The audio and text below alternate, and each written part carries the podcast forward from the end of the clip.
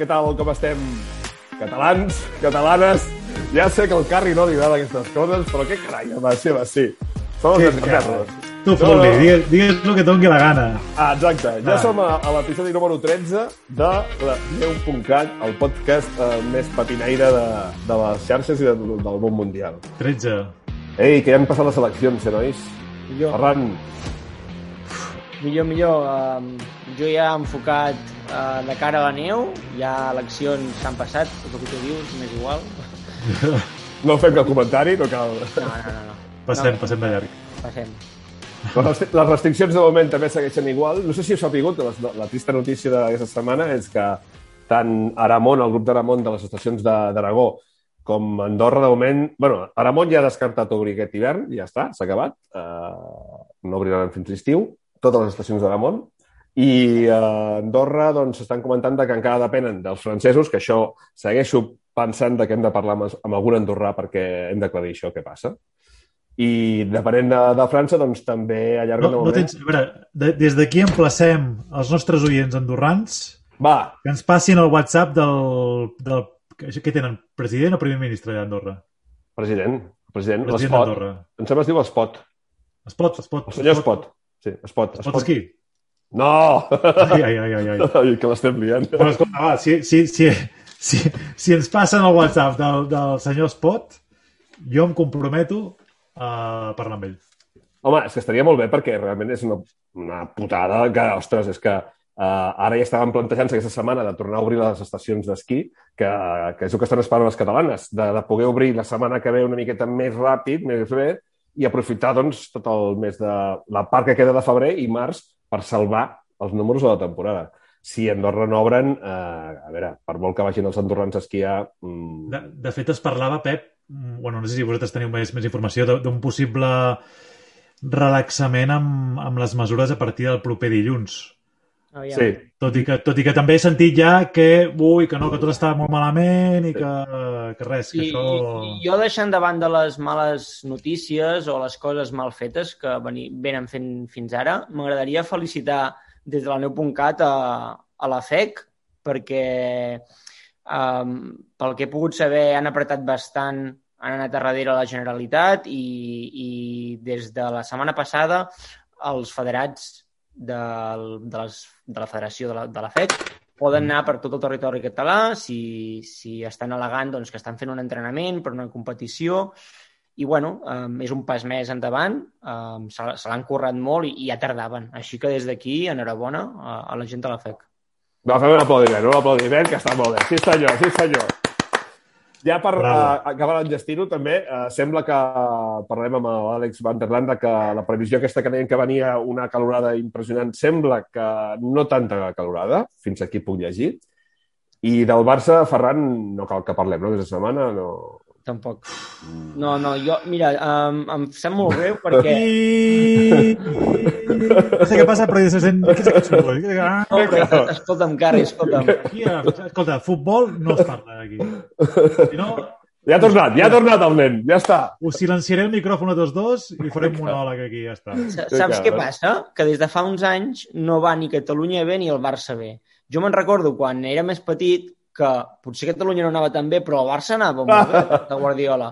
Perquè havia la porta. I, hòstia, estàvem feliços. Quan se'n va al Barça de Guardiola, comença tot una mica el tema del procés, estàvem ben trempats amb els 11 de setembre, teníem moltes ganes de fer manifestacions, hi havia jaleo i semblava que, que Catalunya anava avançant. I és, ara no funciona ni una ni l'altra. I jo crec que des d'aquí també faig una crida a que Catalunya i el Barça es posin d'acord perquè quan no funciona una, que funcioni l'altra. Sí, sí, està No. bé. Bueno, és una bona, una, bona, una bona crida, sí, estic totalment d'acord. Ja, les dues alhora malament no. Tocar el futbol i la política... I a part d'això, Tornem a la muntanya i a la neu, va. Sí, doncs tornem a la muntanya. I ara sí que anirem de, pa, de, de pet, anem directament amb un convidat que ens fa superil·lusió tenir-lo aquí perquè és d'una empresa que és un pepino d'empresa. Nois, parleu, parleu. Brutal. Tremenda. Increïble. Avui ens visita el Jordi Ramot, el fundador de, de Wikiloc, i tenim moltíssimes ganes i moltes preguntes que fer-li, eh, Carri? Moltíssimes.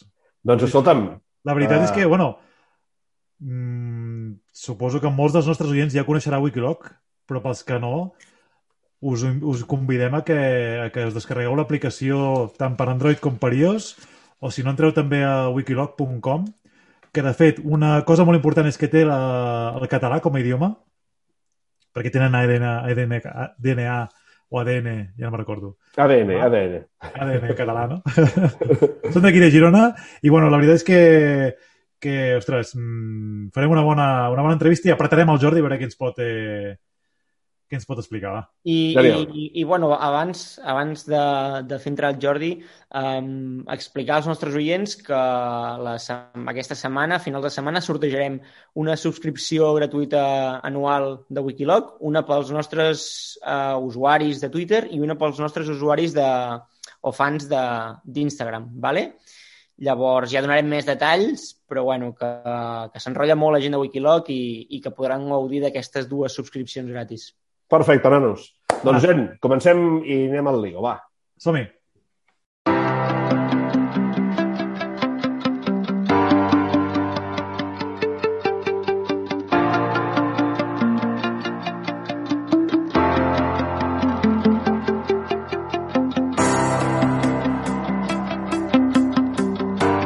Bueno, doncs seguim amb el nostre convidat d'avui. Avui tenim entre nosaltres el Jordi Ramot. Ell és enginyer informàtic i bueno, un apassionat de la muntanya com nosaltres o més, creiem. Fa vora 15 anys va fundar Wikilog i Wikilog neix de la, de la idea de crear un espai on compartir fotografies de les excursions que realitzava amb els seus amics i ara mateix aquesta empresa que té de, denominació d'origen catalana, de Girona concretament, està disponible ja en 22 idiomes i té més de 100 milions d'usuaris a tot el món. Bona tarda, Jordi, què tal? Hola, bona tarda. Gràcies per haver-me convidat. Bona tarda, eh, Jordi. Escolta, que ens fa molta il·lusió que, que Wikiloc estigui amb nosaltres perquè eh, és una de les aplicacions que més emprem i, ostres, és que és una passada. I sapiguer origen ADN català i gironí, per què no? Ostres, fantàstic, eh? Moltes gràcies. Va, igualment, gràcies. Una mica, Jordi, um, què, què et va portar a, a, a tirar endavant una plataforma com Wikilog? Bé, eh, era en, en l'època que vam començar, doncs, eh, com comentava el Ferran, doncs, eh, clar, jo feia BTT, sobretot BTT en aquella època, i eh, podíem compartir les fotografies i anar, a vegades paràvem en algun lloc així emblemàtic i, i tiràvem alguna fotografia de grup o del paisatge i tal, doncs ho, ho, ho compartíem, però faltava la component aquesta de poder veure tot el recorregut que havien fet i saber doncs, els quilòmetres, el desnivell i ara coses que ara donem per, com, per fetes, doncs eh, parlem de 15 anys, doncs per llavors era, no, hi, no hi havia res, no hi havia ni telèfons mòbils, no hi havia Google Maps, i no, que ara es fa estrany, i, i llavors havies d'anar amb, un, amb un GPS d'aquests de mà eh, no hi havia encara els petits de, de bicicleta ni, ni res, i havies d'anar ja al camel vac o així portar un totxo.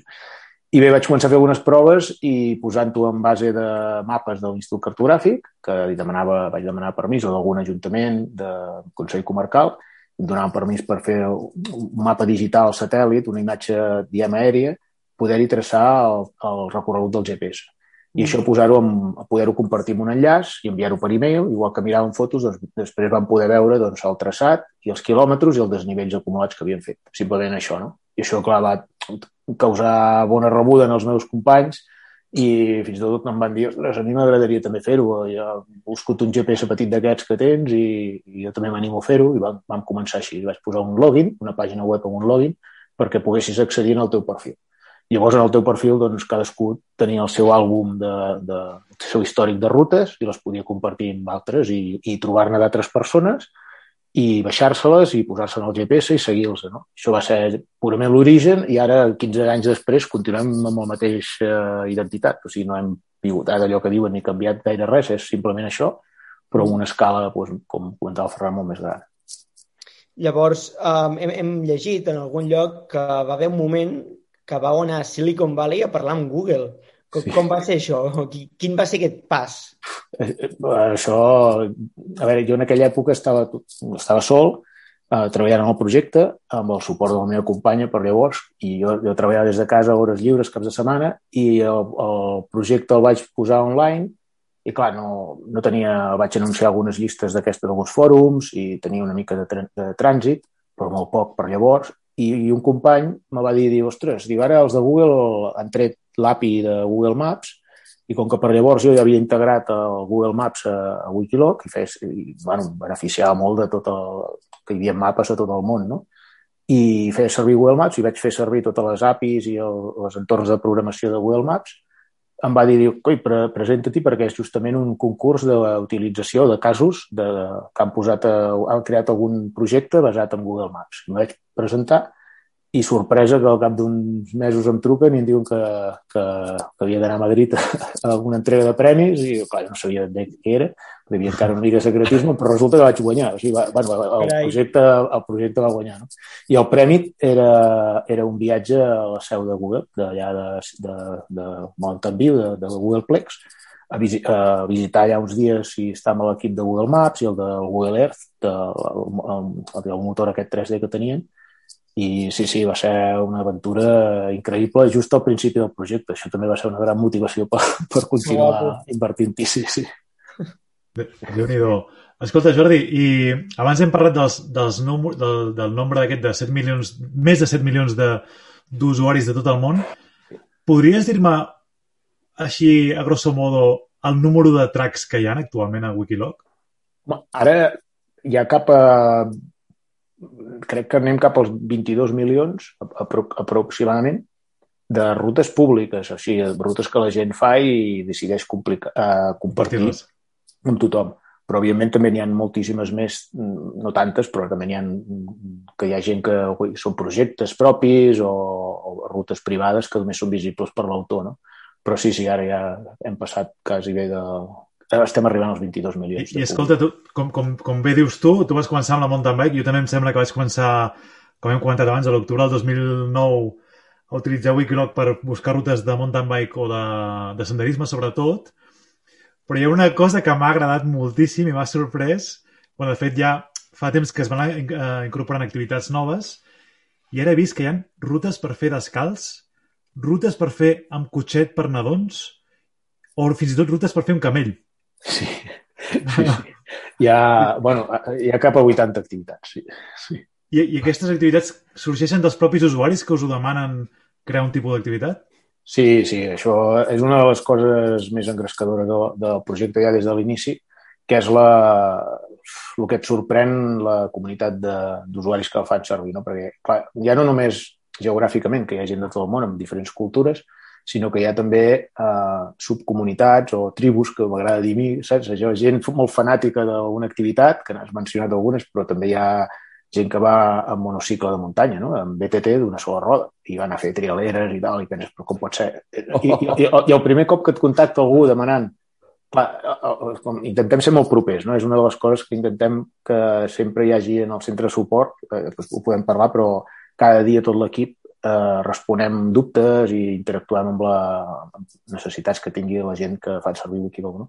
I a vegades hi ha un diàleg molt directe i sovint surt algú que diu uita, jo faig aquest tipus d'esport, de, de, no? córrer descalç. Ara potser ja n'hem sentit molt, però va haver-hi uns anys que tot just començava i es feia, es feia pràcticament incomprensible. No? I clar, nosaltres de seguida intentem donar suport eh, incloent aquesta activitat. I ara ja n'hi ha cap a 80. I, I sempre són de gent que ens ho demana, no? I trobo que és una cosa molt, molt enriquidora perquè, no sé, per la persona o el grup es veuen recolzats i representats a dintre de Wikiloc i per nosaltres doncs, és molt satisfactori veure les activitats. Molt inspirador trobar doncs, rutes en camell. Rutes en camell doncs aquí sembla que les veiem molt de lluny, però a països eh, al desert o països de, de, àrabs, doncs eh, eh, en allà els camells és com aquí la DTT, no sé, és un, és, fan curses i hi ha una afició brutal. I clar, una ruta en camell ja doncs, té, té, el seu, té el seu d'allò, no? I bueno, a nosaltres sempre ens interessa la inclusivitat aquesta de, de respectar-la i igual també passa amb els idiomes, que la pròpia comunitat s'ha anat oferint a, a traduir idiomes, igual que demanen doncs, aquest tipus d'activitat nova, també diu, no, eh, no esteu en el meu idioma, doncs jo m'ofereixo a fer una revisió i traduir-ho. No? I aquesta interacció amb la gent és, és una de les coses més, més enriquidores. I estem parlant de, de quants idiomes teniu controlats que està traduïda l'aplicació? Bueno, a, Ara complet, complet, 100%, eh, hi ha 22, perquè també hi ha les apps d'Android i d'iOS, a part de la web, bueno, i les integracions amb Garmin o amb, GPS, que també l'app de, de, o d'Apple Watch, que també intentem traduir-ho i que estigui tot consistent, no? que no que estigui tot a mitges. I està a 22 idiomes i llavors ara n'estem treballant amb, amb, amb més idiomes, que hem vist que la gent ens ho ha demanat i hem dit, ostres, encara que sigui, no sé, algun idioma minoritari, com que tenim aquí l'arrel nostra també, pensem que la barrera idiomàtica és la primera que s'ha de tirar s'ha de tirar a terra. Tu, i no, no, Ben fet. Sí. Perquè a nivell, a nivell d'usuaris, a, a Espanya quin tant per cent és i la resta del món? Teniu Sí. controlat? El, a veure, tot el que és Europa pujaríem cap al 65, 70, 70% de, és molt, molt centrat a Europa i la resta seria Llatinoamèrica, Llatinoamèrica, Brasil... Sí, Espanya, um, a veure, evidentment Catalunya vam créixer aquí i vam començar a créixer orgànicament des d'aquí, no? Després, per la proximitat del Pirineu, vam saltar de forma orgànica també a, a França. Itàlia és els, eh, dels països més forts, també, eh, Bèlgica, llavors Brasil, Colòmbia, Argentina, Costa Rica, tota la part eh, d'Amèrica Central i Llatinoamèrica. Però a, a, tot arreu, eh? O sigui, teniu absolutament rutes a tot arreu perquè jo vaig estar sis mesos vivint a Estats Units i me'n recordo que allà no coneixia ningú que fes muntanya, la gent que coneixia allà no, no ho practicaven i vaig estar fent rutes per Califòrnia, Hawaii, Arizona, per llocs perdudíssims, diguéssim, i hi havia rutes de Wikiloc, amb gent, amb ressenyes, fotografies... És increïble. Quina, quina sort, eh, poder, els llocs que has dit. Sí, sí, exacte. A, a vegades els has de veure online, però hosti, Aquest- estan allà de ser preciós, perquè clar, el, el que tu dius, jo aquestes rutes les he vistes en plan així explorant i dius, hosti, tu, algun dia anar a un lloc d'aquests, tu, uah, Sí, però, escolta, o sigui, el, els jocs que deia el, el, el, i el, sí, el Ferran, eh, déu nhi però és que remenant per la plataforma hem trobat països que inclús hem, hem hagut de buscar, hem, de, hem hagut de recuperar l'enciclopèdia aquella que tenim allà a casa, països com Surinam, que per cert la capital és Paramaribo, aquí, aquí ho deixo, la República de Nauru, una illa del Pacífic, o un altre país que es diu Tuvalu. sí, sí.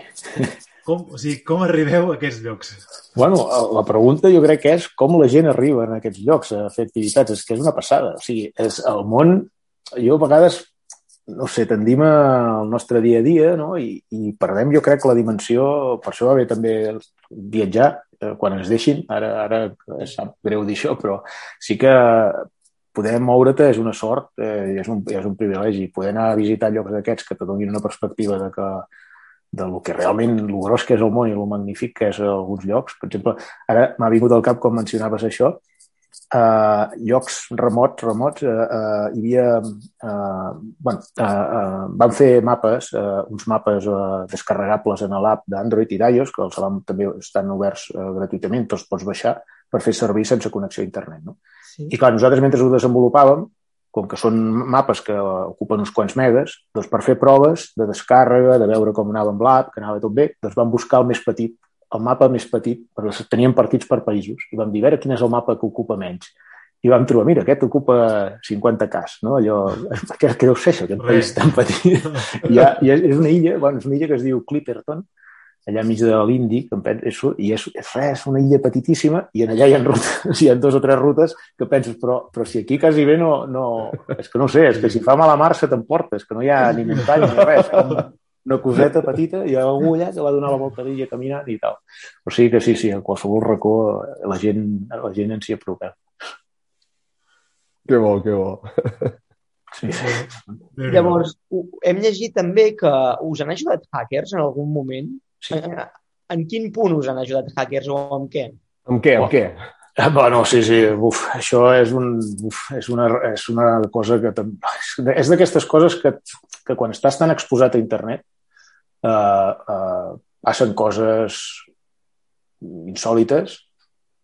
Jo diria que la gran, major, bueno, és que la gran majoria, del, bueno, el 99% de les coses que ens han passat així sor, sorpreses de gent que ens contacta i tal són positives. Eh? O sigui que jo sempre dic que hi ha molt, molt bona gent. El que passa és que, els que la mala gent fa molta, fre, molta fressa a vegades. Però en el cas dels hackers, que, que hi ha aquesta connotació de hòstia, gent que van a trencar coses i tal, o accedir a llocs que no es pot. I tal. Doncs eh, hi ha doncs, un, un moviment hacker que, que el que fan és intentar trobar vulnerabilitats i coses mal fetes o, o, o que han passat per alt quan hi ha un portal o una app o un, una web com, com és el nostre cas. No? I nosaltres, evidentment, tenim molt de... i posem molt d'èmfasi a fer les coses bé, però arribem on arribem. No? Hi, ha, hi ha gent que es dedica a això. I si ens han contactat, a vegades te contacta algú així en LinkedIn o, o, o directament per e-mail o al centre de suport i mira, us he trobat un, un forat de seguretat molt greu i m'agradaria parlar amb vosaltres. No? Bueno, I a vegades dius, bueno, a veure, i comences a parlar amb ells i vas estirar una mica, una mica incrèdul i va, a veure què serà. I després, en algun cas, molts, moltes vegades són coses molt senzilles i que no tenen més transcendència, però en algun cas, que ho tenim a la pàgina d'agraïments de, de Wikiloc, els tenim allà llistats amb, amb la gent, amb el seu blog, que expliquen el que van trobar, ostres, ens van trobar algun, alguna cosa greu, que havies de ser un expert per, per accedir-hi, però ens va sorprendre molt. Tot l'equip nostre vam dir, ostres, mare de Déu, aquesta gent. I llavors aquesta gent simplement el que volen és reconeixement, que ho arreglis, o sigui, tenen una voluntat de, de que, la, que internet sigui millor, que ho arreglis i que després els hi deixis explicar la, la història de que, com ho van trobar i com, es va, com ens van contactar i com ho van resoldre.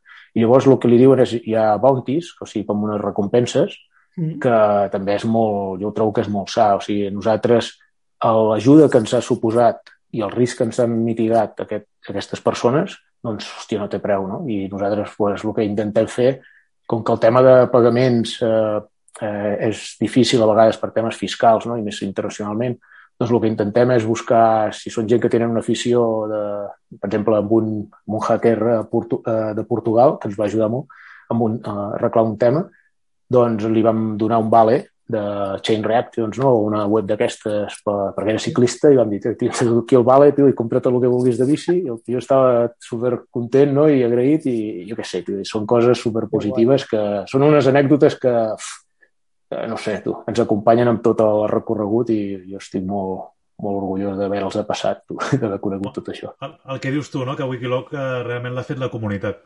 Sí, sí, sí, sí. Nosaltres estem aquí, bueno, picant, eh, diguem, a la mina a darrere, però és que, no té, és que si no seria una, seria una carcassa buida, seria un, un projecte tecnològic que no, si no hi hagués la gent, clar, no seria res. No, i, en aquesta línia també amb el que comentes, um, hi ha un munt de rutes i a vegades només trobes el, la, la, la simple ruta i quatre fotos, però hi ha autèntiques rutes amb un munt de descripció, veus que hi ha usuaris que que hi posen molt d'èmfasi i moltes, moltes ganes a explicar amb, amb de, molt detall tot el que hi ha en aquella ruta i, i ostres, és, és curiós, eh? Sí, sí, sí. És, uh, uh, crec, crec que hi ha moltes persones que, que ho agafen com un àlbum seu, com ja tens algú de fotos i vas mirant els anys o el que has fet fa dos mesos i tal, doncs el mateix, és com un, com un àlbum de tota la teva trajectòria d'activitats a la muntanya i alhora doncs, són molt conscients de que a Wikiloc hi ha aquest component que no és, no és molt orientat només a tu, no? sinó que la visibilitat que tens amb altra gent de la comunitat doncs, eh, fa que, que tinguis una motivació extra per fer les coses bé, però saps que la gent ho valorarà no? i que tindran una bona experiència, faran una, una bona valoració, o hi ha aquest capital social que s'intercanvia, mm. uh, uh, que és molt, jo crec que és molt engrescador i molt, no sé, uh, reconfortant. No? Reconfortant i, i perdona, Jordi, és molt semblant al, al sentiment de la, del muntanyisme, no? De que a la gent li agrada compartir, és, és, és bastant semblant, oi? Sí, eh, sí, totalment. O sigui, a vegades hi ha algun conflicte amb temes de propietats privades o bueno, en, casos de, en alguns casos concrets i nosaltres en aquests casos sempre diem el mateix, no? que, que la gent no va a la muntanya a buscar problemes, que justament ostres, si hi, ha, si hi ha un lloc paradigmàtic de bon rotllo és la muntanya. Vull dir, a la muntanya tothom veu les seves vulnerabilitats, saps? I quan veus algú dius, sí, tens, tens un al·licient més a saludar, no? Perquè, no sé, hi ha com una, una unió molt més forta que si vas per aquí, una zona urbana o una zona concorreguda. I, i sí, a veure, el, aviam, també és una sort, eh? perquè haver fet una...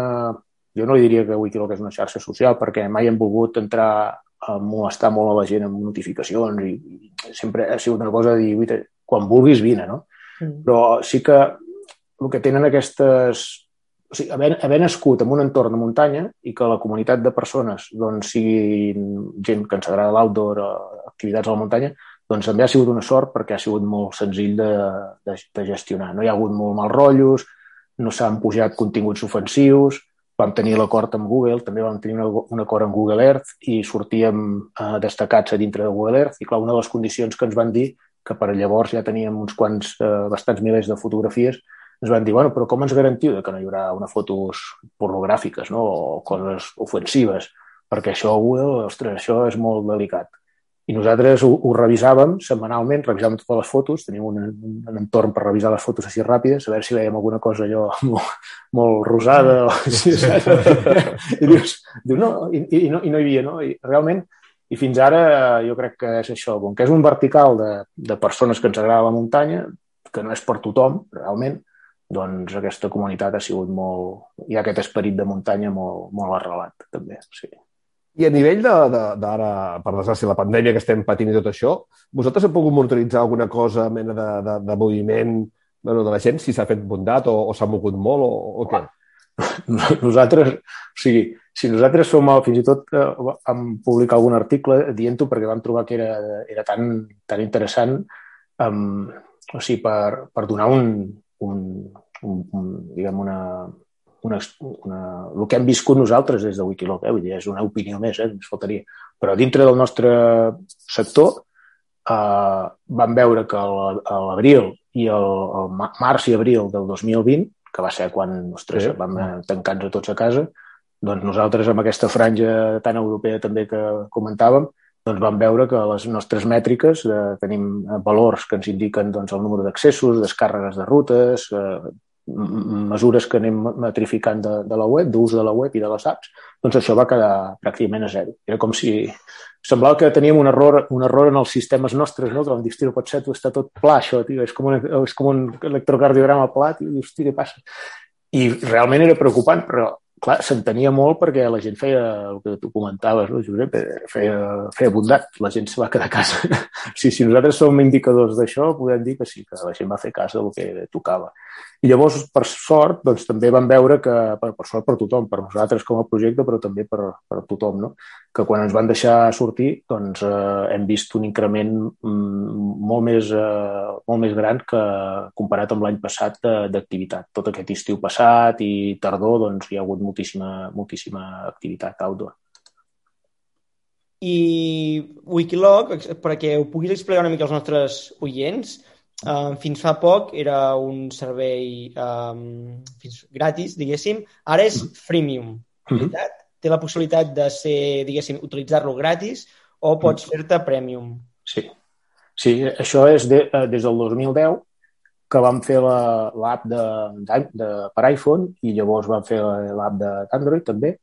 I, clar, sempre hem, va haver-hi una època que sobrevivíem o pagàvem les factures que, nostres de màquines de, ser, de servidors i, i de, de sous de, del, del poc equip que teníem llavors, doncs ho pagàvem amb anuncis i amb donacions. O sigui, el, fins i tot la, una altra cosa de la comunitat a destacar és que en moments difícils doncs, vam tenir una resposta molt... Vam comentar-ho, vam dir, ostres, si algú vol fotre'ns un cop de mà i ens vol fer una donació d'un euro o el que sigui, doncs eh, ens van ajudar molt. I, i això eren les línies de sostenibilitat que teníem llavors. Però amb les apps vam veure que podíem oferir, continuar amb la mateixa línia, o sigui, la web tot, eh, eh, que poguessis eh, fer tot gratis, que no tinguessis que pagar, però que tinguessis unes funcionalitats opcionals de, però xules que te poguessis dir, bueno, doncs val la pena, o sigui, vull pagar per això perquè, bueno, val la pena, no? Doncs ho vam incloure a les apps i vam entrar amb el model que comentaves, eh, freemium, i ara hi ha el Wikiloc Premium, que es diu, que hi ha tota aquesta sèrie de, de funcionalitats extres. I és que, escolta, en, en el, fa un parell de dies vam veure que el Centre Excursionista de Catalunya anunciaven el seu perfil de, de Twitter que ells tenen un, un perfil propi dintre de, de la plataforma Wikiloc a la qual doncs, van compartint doncs, diferents rutes per les principals serralades de, de Catalunya. Eh, que, que interessant, no?, que algú com, la, com el SEC eh, promogui també la, la, la pròpia plataforma? Sí, sí, tu diràs tu això. A veure, nosaltres també d'aquí ens fa, ens fa una, una il·lusió enorme. O sigui, és, eh, sabem que són eh, no sé, eh, jo ja no diria o sigui, són clubs o organismes amb una història molt, molt llarga i, ostres, que jo crec que tenen les coses molt clares també i després de tants anys i que optin o apostin per nosaltres per, per un com a complement de dir, mira, doncs a més a més les rutes que fem o, o les que podem compartir, doncs fem servir Wikiloc, doncs fuà, això, això sempre a nosaltres fa molta, molta il·lusió. Són les coses que t'animen i et motiven a seguir, a seguir treballant i a seguir millorant. Això I és superpositiu parlant de motivacions, um, uns, uns dels vostres referents són les empreses Patagònia i, i Cliff, que sí. tenen una, una iniciativa que es diu One for the Planet. Vosaltres teniu alguna iniciativa semblant o, o, o us emmiralleu una mica amb aquestes empreses? Sí, sí, sí. Això és, bueno, és un... A veure, nosaltres aquestes són empreses mirall, però per l'escala que tenen, no? O sigui, jo crec que són són empreses que han aconseguit tenir un volum eh, d'impacte i de, ja no, de, més enllà del negoci, no? perquè a veure, hi ha empreses que fan molt de negoci, però aquestes fan molt de negoci i a més tornen molt no? i fan coses increïbles i ho poden fer per gràcies a ser tan grans com són. I ja eh, Patagònia té l'Ivon Chunard, el, el, el fundador de, de Patagònia, el tio doncs, va crear eh, la 1% for the Planet, que bàsicament és un, és un pla és un, un, una, una opció que empreses de tot el món s'hi poden adherir i amb el compromís de donar l'1% de la facturació bruta, o sigui, abans d'impostos, abans de despeses, o sigui, la facturació bruta de cada any, l'1% com a mínim donar-ho a, a One Percent for the Planet. I ells llavors allà tenen una sèrie de, de projectes de, de, jo sé, de mil, per tema de protecció de biodiversitat o per alguna millor acció de, per evitar una mica o frenar una mica el canvi climàtic o protecció mm. d'animal, jo què sé. Hi ha coses que són molt inspiradores i nosaltres ens hi hem adherit des de fa forces anys i el que esperem és que l'1% aquest nostre, bueno, que és més perquè intentem donar una mica més, doncs tingui un impacte encara més, més gran però això és, jo crec que fa falta més gent com aquestes de Patagònia o així amb valors. Totalment, totalment. Um, aquí, aquí a Catalunya no crec que hi hagi moltes empreses que estiguin adherides, no? Sou dels primers, potser. Mm, doncs bona pregunta, no, no t'ho sabria respondre, la veritat. Uh, mm, un altre punt a favor de Wikiloc. Sí, bueno, també, també com que sabem que, coi, que uh, la nostra salut també com a comunitat, com a projecte, com a empresa, com tot, eh, depèn de, de que, de que l'outdoor, diguem, les muntanyes tinguin bona salut, la natura continuï, perquè és que si no malament, doncs, ostres, ens sentim quasi bé responsables i a més que ho fem a tot el món. O sigui, ja, com començàveu, hi ha activitats i Wikiloc, eh, de Wikiloc a tot el món i rutes, doncs què, més que, què menys que buscar una iniciativa que tingui un impacte també global. Llavors, de, de cara a, a properes novetats o si durant el confinament heu pensat hem de canviar alguna cosa, per exemple, hi ha, hi ha algunes uh, plataformes que s'estan inventant esdeveniments online, uh, reptes, classificacions. Heu mm. pensat fer alguna cosa així o preferiu mantenir la, els valors de Wikiloc? Sí, sí, exacte. La identitat nostra sempre ha anat aquí.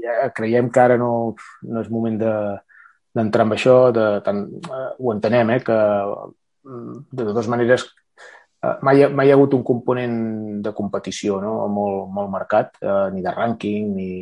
O sigui, és més de...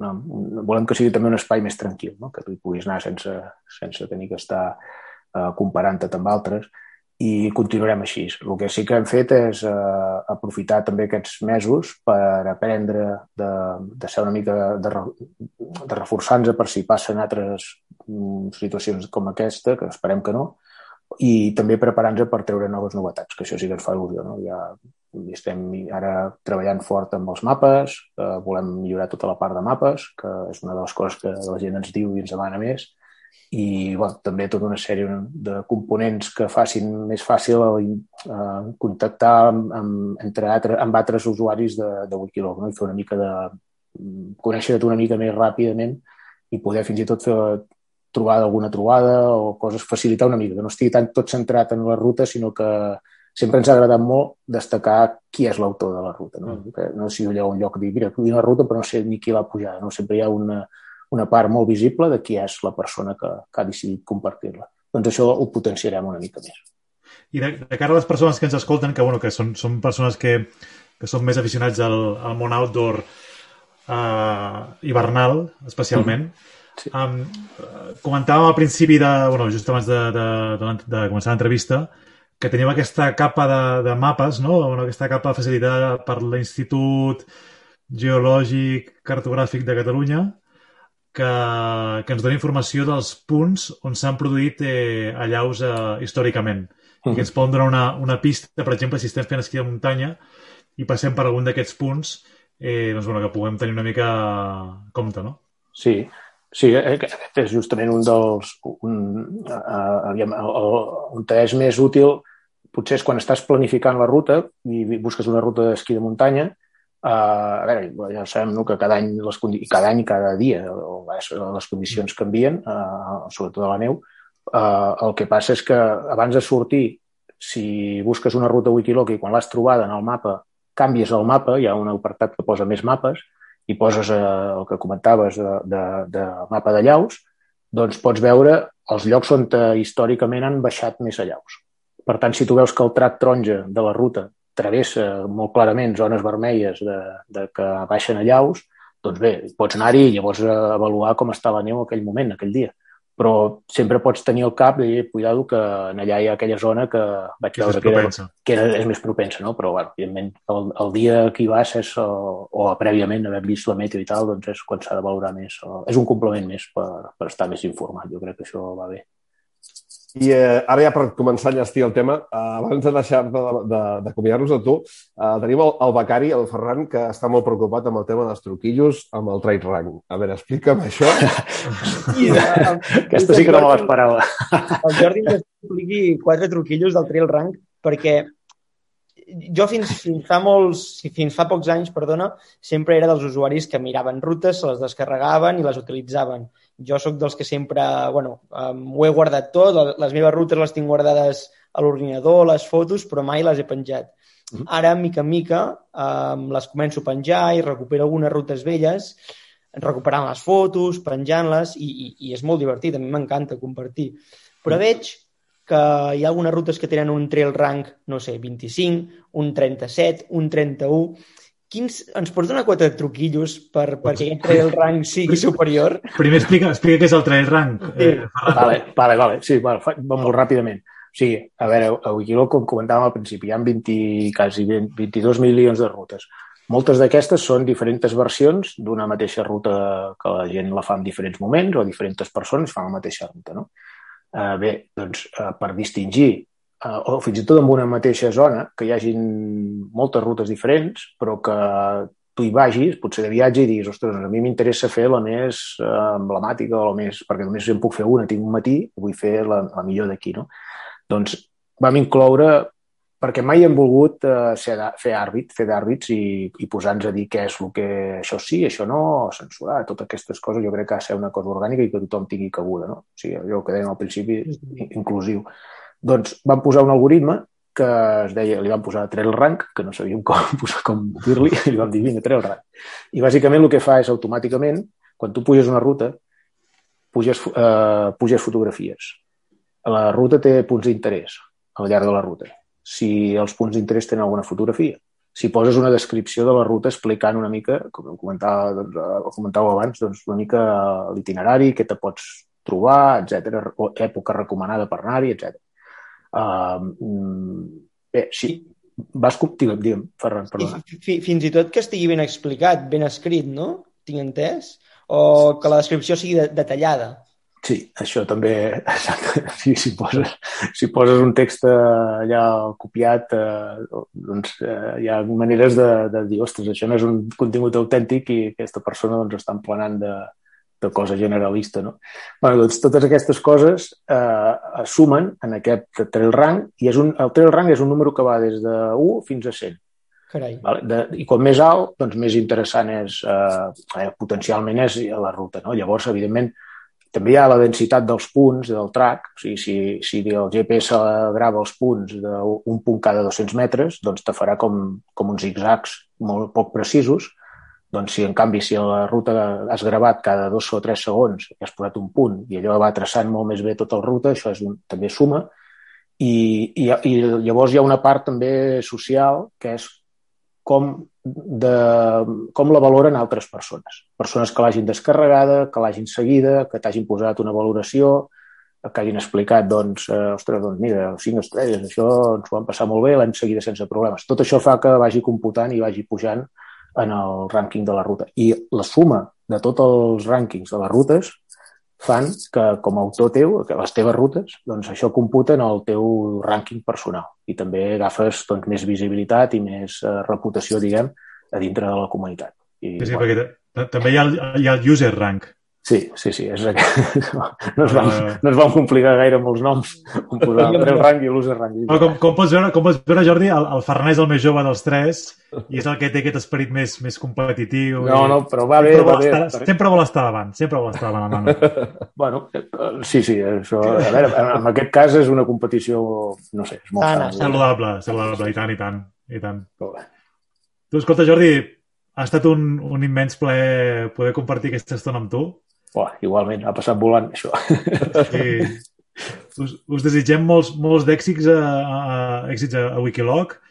Jo seguiré, seguiré fent-ne ús. Ja et dic que des del 2009... Uh, de fet, mira, abans de l'entrevista m'he connectat al perfil i he vist que tinc alguna ruta. Ferran, aquí, a veure si tens tu tantes descàrregues. 1.400 descàrregues. Quantes? 1.400.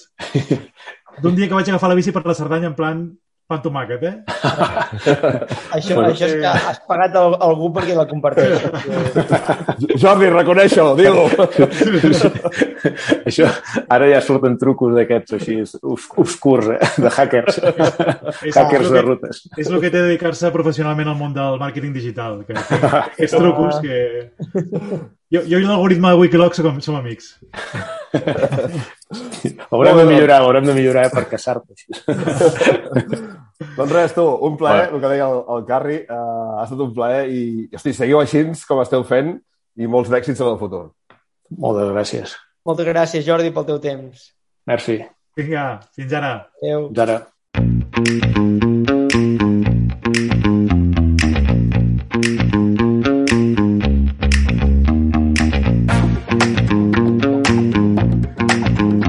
Bé, uh, Sant Tornem-hi, secció de Meteo, secció amb l'Àlex Van der Land, uh, que avui, per cert, uh, saludem l'Àlex. Àlex, què tal, com estàs? Molt bé, encantat una vegada més. Uh, no sabia si presentar-te així o després de que ahir haguessis sortit el temps de neu, que ja ets un tio mediàtic, que ets l'Àlex Meteo, que, hosti, que jo em vaig quedar de pedra quan vaig veure que, hosti, estan anunciant a l'Àlex Van der Land a, a TV3, doncs sí. Què, què tal? Com va estar? No? Ets un prota. Molt bé, molt bé. Molt, molt agraït al Víctor Pazzi i a tot l'equip de Temps de Neu que em van fer aquesta proposta i, i vam disfrutar. Bueno, jo m'ho vaig passar molt bé. Vale? Vam parlar de meteo, vam parlar de neu i vam anar a la Molina i bueno, vam estar molt bé, la veritat. Molt agraït. I es va veure la tauleta, la famosa tauleta. La tauleta, home jo crec que ja, ja eh, forma part del meu ADN. D'aquí un temps l'hauré de carregar el cotxe per entrar, anar a algun lloc si em volen entrevistar, perquè no puc portar tothom a casa, està clar. Hòstia, és que és hashtag la tauleta, eh? perquè va ser una passada. Eh? Sí, sí, sí. Bueno, són aquestes casualitats a la vida, però que, bueno, que fan que, que mira, d'una tonteria creix un fenomen i al final el fenomen, la tonteria, tu vas lligat i ja no et deslligues. I jo reconec que ara ja sóc el primer friki que quan comença a nevar quasi estic més pendent dels centímetres que acumula la tauleta que no de, de mirar pròpiament que neu. que bo, que bo. Escolta'm, irant al lío. Uh, a veure, a mi em vas preocupar Horrible. una setmana la setmana em vas preocupar, perquè em vas posar una cosa al teu Twitter, famós Twitter, i posaves uns colons uns colors no, no vermells, no, marrons. Però, però, però, però sembla que, que, que, que, que sembla que s'arregla una miqueta o, o, va, va, tens un... A veure, a veure, no, i això no m'agrada que m'ho preguntis perquè en Meteo sempre hi ha un mantra que és que quan les previsions a llarg termini són de fred, se'n van a la merda. Però si són de calor, sempre es compleixen. Doncs bé, es compleixen, però rebaixen. I això és important perquè, com tu dius, aquell mantra de calor que hi havia eh, era terrorífic, que el tindran a Europa Central. Nosaltres tindrem la sort, que ara ho comentarem, que es formarà un, en un primer moment una baixa de Mediterrània, del sol que entrarà precisament a partir de demà, més o menys dissabte, començarà a entrar per l'oest peninsular, es despenjaran es formarà una baixa de baixes pressions que acabarà formant-se amb una dana, eh? que és una, és una baixa però a, a altes eh, en alçada, és a dir, un baròmetre no té reflexe d'ell. És el que la gent coneixia popularment com la gota fria, perquè no es veia, o sigui, els baròmetres no ho detectaven i la liava molt, perquè és aire fet acumulat en alçada. Bé, primera notícia, que canviaràs la cara. Ja sé que la gent no ens veu la cara, però ara et canviarà la cara. Seguim amb pols i augmentarem pols sahariana.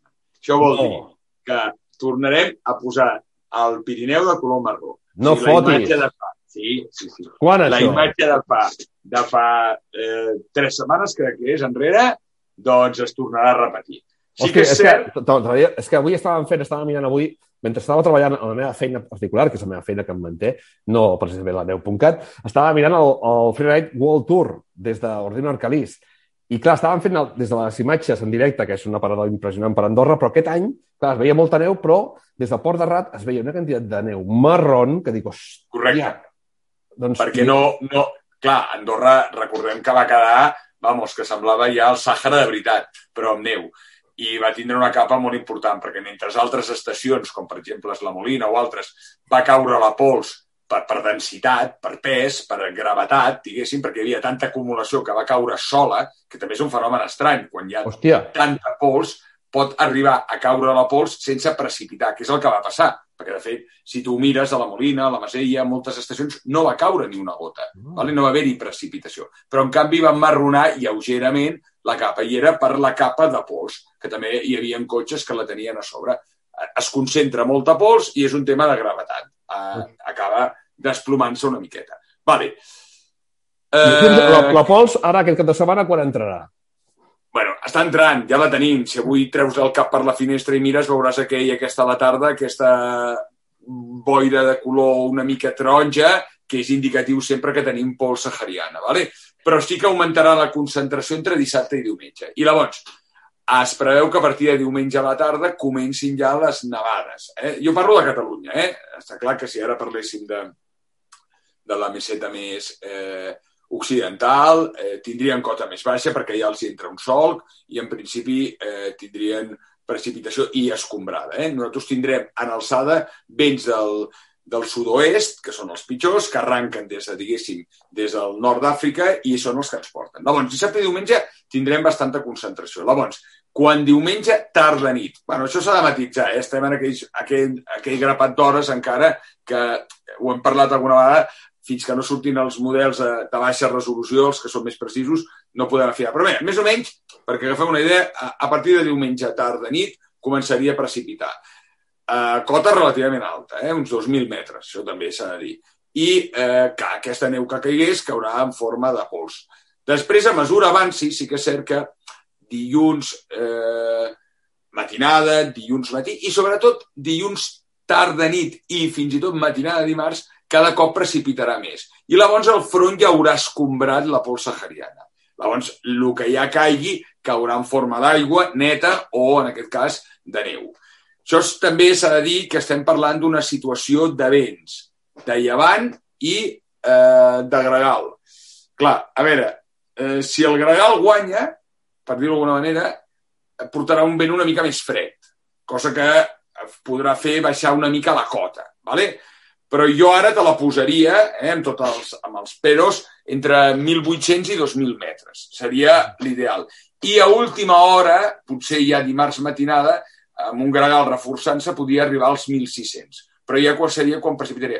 I compte, eh? llocs com la Molina, Baiter, poden rebre mm, molts litres. Eh? Podríem parlar de...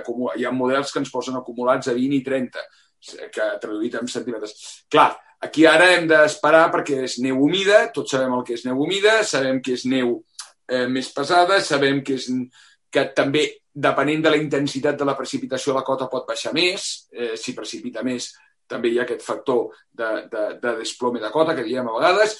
bueno, queda una mica lluny. Però bueno, jo, Josep, em mouria en aquests índexs de moment. Eh? Jo posaria que la nevada al Pirineu es centraria entre aquests 2.000, 1.800, segurament més 1.800 que 2.000, i que fins i tot podríem arribar als 1.600. Dependrà molt, torno a dir, de la posició definitiva de la baixa, que en principi i de la dana es mouria entre Castelló i València, i el xute que ens provoqués de llevant i gregal. Bueno, em deixes mig convençut, però no massa, eh? Però sí que eh, també, per exemple, jo quan he vist que el, di- per lo que he vist de, de previsions, havia vist que el dilluns havia pluja a Catalunya, dic, mm, quan era molt generalitzada entenc que és llevant. Si dius que... Perquè la diferència entre llevant i gregal, dius que gregal és més fred, diguéssim, no? Entenc? Clar, Gregal és un vent marítim, també, però que la seva direcció... A veure, hi ha, quan parlem de llevantada hi ha tres vents que ens poden afectar. Llevantada jo la defineixo com eh, vent de mar a terra. Això seria la definició estàndard. ¿vale? Però Ahà. clar, Catalunya, diguéssim, perquè fer-ho fàcil, la tenim dividida en tres trossos. Al llevant, el, el, les situacions de xaloc són les que venen una mica del sud, és a dir, com de les Balears xocant eh, a Catalunya. Qui afavoreix més les situacions de xaloc? Costa Sud, des del Delta, fins i tot Costa Barcelona, que a vegades la gent es pensa que Barcelona afavoreix més el llevant pur i a vegades mm, normalment és més una xalocada. Vale. Després tenim el llevant. El llevant és ja els vents més perpendiculars. Seria com si anessin en línia recta. Eh? Agafem les Balears i, i dibuixem fletxetes rectes. Vale? Aquest, normalment, el llevant més pur afavoreix més la costa del Maresme eh, i costa nord, una miqueta. Eh? Eh, hi ha índices Costa Brava. I el gregal seria el mateix llevant, però que, diguéssim, apuntaria a- des de dalt, des del golf de Lleó, apuntant cap a baix, com si anés Ah. apuntant al delta de l'Ebre. Vale? Llavors, té un, un, un, un recorregut més eh, del nord. A veure, el gregal fred és el que arranca del nord. Això és, és així. Vale? És el que seria, arrencaria amb vents continentals, que pot arrencar des del nord d'Itàlia, passar pel golf de Lleó i atravessar el mar. Aquest és fred, perquè ja ve amb el fred del continent. No és el cas, perquè aquest gregal vindrà induït per la baixa. Per tant, no té un recorregut continental. Per tant, sí que agafa zona més nord, per tant, és una mica més fresc. I és això que et comentava, que és aquesta cota que jo veig una mica basculant entre dilluns nit i matinada dimarts, que ja podien baixar dels 1.800 als 1.600. A dia d'avui, que estem parlant un divendres. Això és important que la nostra gent sàpiga que quan estem intentant dibuixar unes previsions de dilluns o de dimarts, estem a moltes hores. És com si estiguéssim ara parlant un dimecres per intentar dir eh, el dissabte, és el mateix, com que, diguéssim, perquè el cap de setmana serà... bueno, el cap de setmana compta, eh? el cap de setmana... A veure, el cap de setmana serà bo per la gent que vagi als Pirineus i més per la zona més oriental del país. Però la gent que està a costa tindrà un cap de setmana rúfol, boires, de, boires matiners, una mica com el dia d'avui. Bueno, de fet, tota la, tota la setmana ha estat fent això. Ha estat fent aquí... Exacte, que després es pot aixecar al Sí, migdia, però, potser al migdia, a una. eh? Sí, sí. Exacte, però que al principi, quan engegem, està l'ambient tapat, carregat d'humitat, costa respirar perquè a més tindrem pols, eh, un dia rúfol. Ho dic perquè, mm, bueno, hi havia gent que m'ha preguntat, puc fer una barbacoa? Sí, no et plaurà, però tingues en compte que al principi doncs, potser, més que la cerveseta, et vindrà de gust un cafetó. Sí, perquè Potser sí, ja, ja t'entrarà més la cerveseta. aquests matins, almenys al Vallès, a Barcelona no tant, però al Vallès Clar. eh, està tot, tot rúfol, tot tapat, eh, fresqueta, eh? Vull dir que estem parlant No, de és que la sensació de fred moltes vegades la tenim molt més, un dia ja xerrarem d'això, per la humitat per la humitat, la humitat. que no tant per la temperatura. Vale? Però a sobre la temperatura, com que queda més restringida, fa que, no, eh, que a l'haver-hi molta humitat tenim molt més aquesta sensació de fred. Vale. I una cosa, vale, tenim així, i ja per acabar, però a finals de setmana com ho veus? Perquè he lligat alguna cosa al tema, per lo que tu em deies. Que Bueno, aquí, aquí sembla, sembla que a partir, eh, sembla que a partir d'aquesta situació seguiríem en temperatures en mitjana i en temperatures eh, sí, bueno, potser una mica lleugeres del que tocaria, ¿vale? i amb possibilitat de precipitacions. Però hi ha molta incertesa, perquè ja el GFC està posant de tant en quant alguna entrada freda. Hem de recordar a la gent que, i això és veritat, que entre finals de febrer i principis de març és una situació ja preprimaveral que comencen a haver-hi canvis. I si fem una mica de memòria històrica, hi ha moltes nevades que es produeixen a finals de febrer, principis de març. Ja no cal la mítica nevada del, del 8 de març del 2010. I del que 19 de març. Sant Josep, eh? Ojo, eh? Josep, que va caure i que tothom ha pres com a referència. I aquest, jo, eh, ahir amb el programa amb el Carles, amb la neta del nen i el Vanderland, vam titular el programa que estem al minut 90. La setmana que ve ja estarem a la pròloga de l'hivern, ¿vale? perquè hem de ser sincers, a partir ja d'un 8 o 10 de març, es complica molt, sobretot veure nevar cotes baixes. Pirineus és una altra lliga i és una altra història, vale? I, i Pirineus encara en té. Però sí que seria aquesta la situació. No es veu clarament una situació d'entrades de, fredes de moment. Però, sí, bueno, però, però de moment ho poso- descarteu, però descartes aquella entrada que havia explotat aquells tons marrons, que era anomalies de més 14. Exacte, aquella entrada, aquella entrada, si mires el mapa, es produirà on han tingut tant de fred, el que és l'Europa central. Vale. O sigui, els, els holandesos que estaven patinant, els alemans que estaven tan contents, se'ls desfarà tot. Vale. Mm, Tindran altes pressions i tindran el tomàquet, perquè precisament aquesta dana que a nosaltres ens farà una mica de tap, eh, Uh -huh. a ells els enxufarà tot l'aire més càlid que en un principi ens anava a nosaltres. Vale. Perquè en un principi el recorregut d'aquesta dana era més, diguéssim, més eh, per la part eh, occidental, perquè ens entenguéssim. Baixava més com si anés a les Canàries. I ara el recorregut ha anat més cap a, bueno, ho estem dient, a la costa mediterrània. I això ens fa de tap. Llavors, aquests mateixos vents que bufen del nord d'Àfrica, el seu recorregut va més cap a l'Europa central. I nosaltres ens fa una mica de tap. Genial. Bueno, doncs escolta'm, uh, dintre del cap, jo t'asseguro que a la prèvia d'aquesta meteo jo anava amb, amb acollonit perquè pensava dir que ai, ai, ai, que ens fotrà, que ens es farà la neu, però bueno, si més Bueno, no... doncs- la neu està molt tocada, eh? Sí, la neu està molt sí. tocada, perquè les condicions no són bones. No Només- estan gens, gens en bones i si a sobre cau la, la, la pols sahariana no ajuda res a la neu, tot més aviat al contrari. Eh, Però, però millor que no que tinguin boira, perquè de moment hi ha, hi ha, hi ha inversió, no? Inversió tèrmica n'hi ha, no? Aquests dies. hi ha inversió tèrmica, el Pirineu, el Pirineu aquests dies està fent sol. Vale, No, si, si hi hagués humitat al Pirineu ja és, estem al pitjor escenari de tots. vale. Aquesta vale. boira que tenim aquí, a la neu li, li va fatal. Vale? Vale. No, no. Però això no, em refereixo que si la gent que tingui el privilegi d'anar a pistes doncs podrà, es trobarà una neu primavera. Es trobarà una neu primavera aquest cap de setmana que, per tant, en sèrie esquís, perquè si no quedarà més clavat com fuet i que vigili, que vigili uh, perquè, bueno, ja ho sabem el que és neu primavera. Vale? Sí, senyor. Eh, Sí, senyor. Pues res, tu, Àlex, uh, mediàtic Àlex TV3, uh, Meteo, uh, ens No no la, la setmana que ve i res, que estem molt contents de tenir-te col·laborant amb nosaltres perquè és un plaer i un luxe cada molt, dia. molt, molt, molt, content, molt content estic jo. Molt bé, doncs vinga, una abraçada i seguim. Ens veiem, adeu, adeu.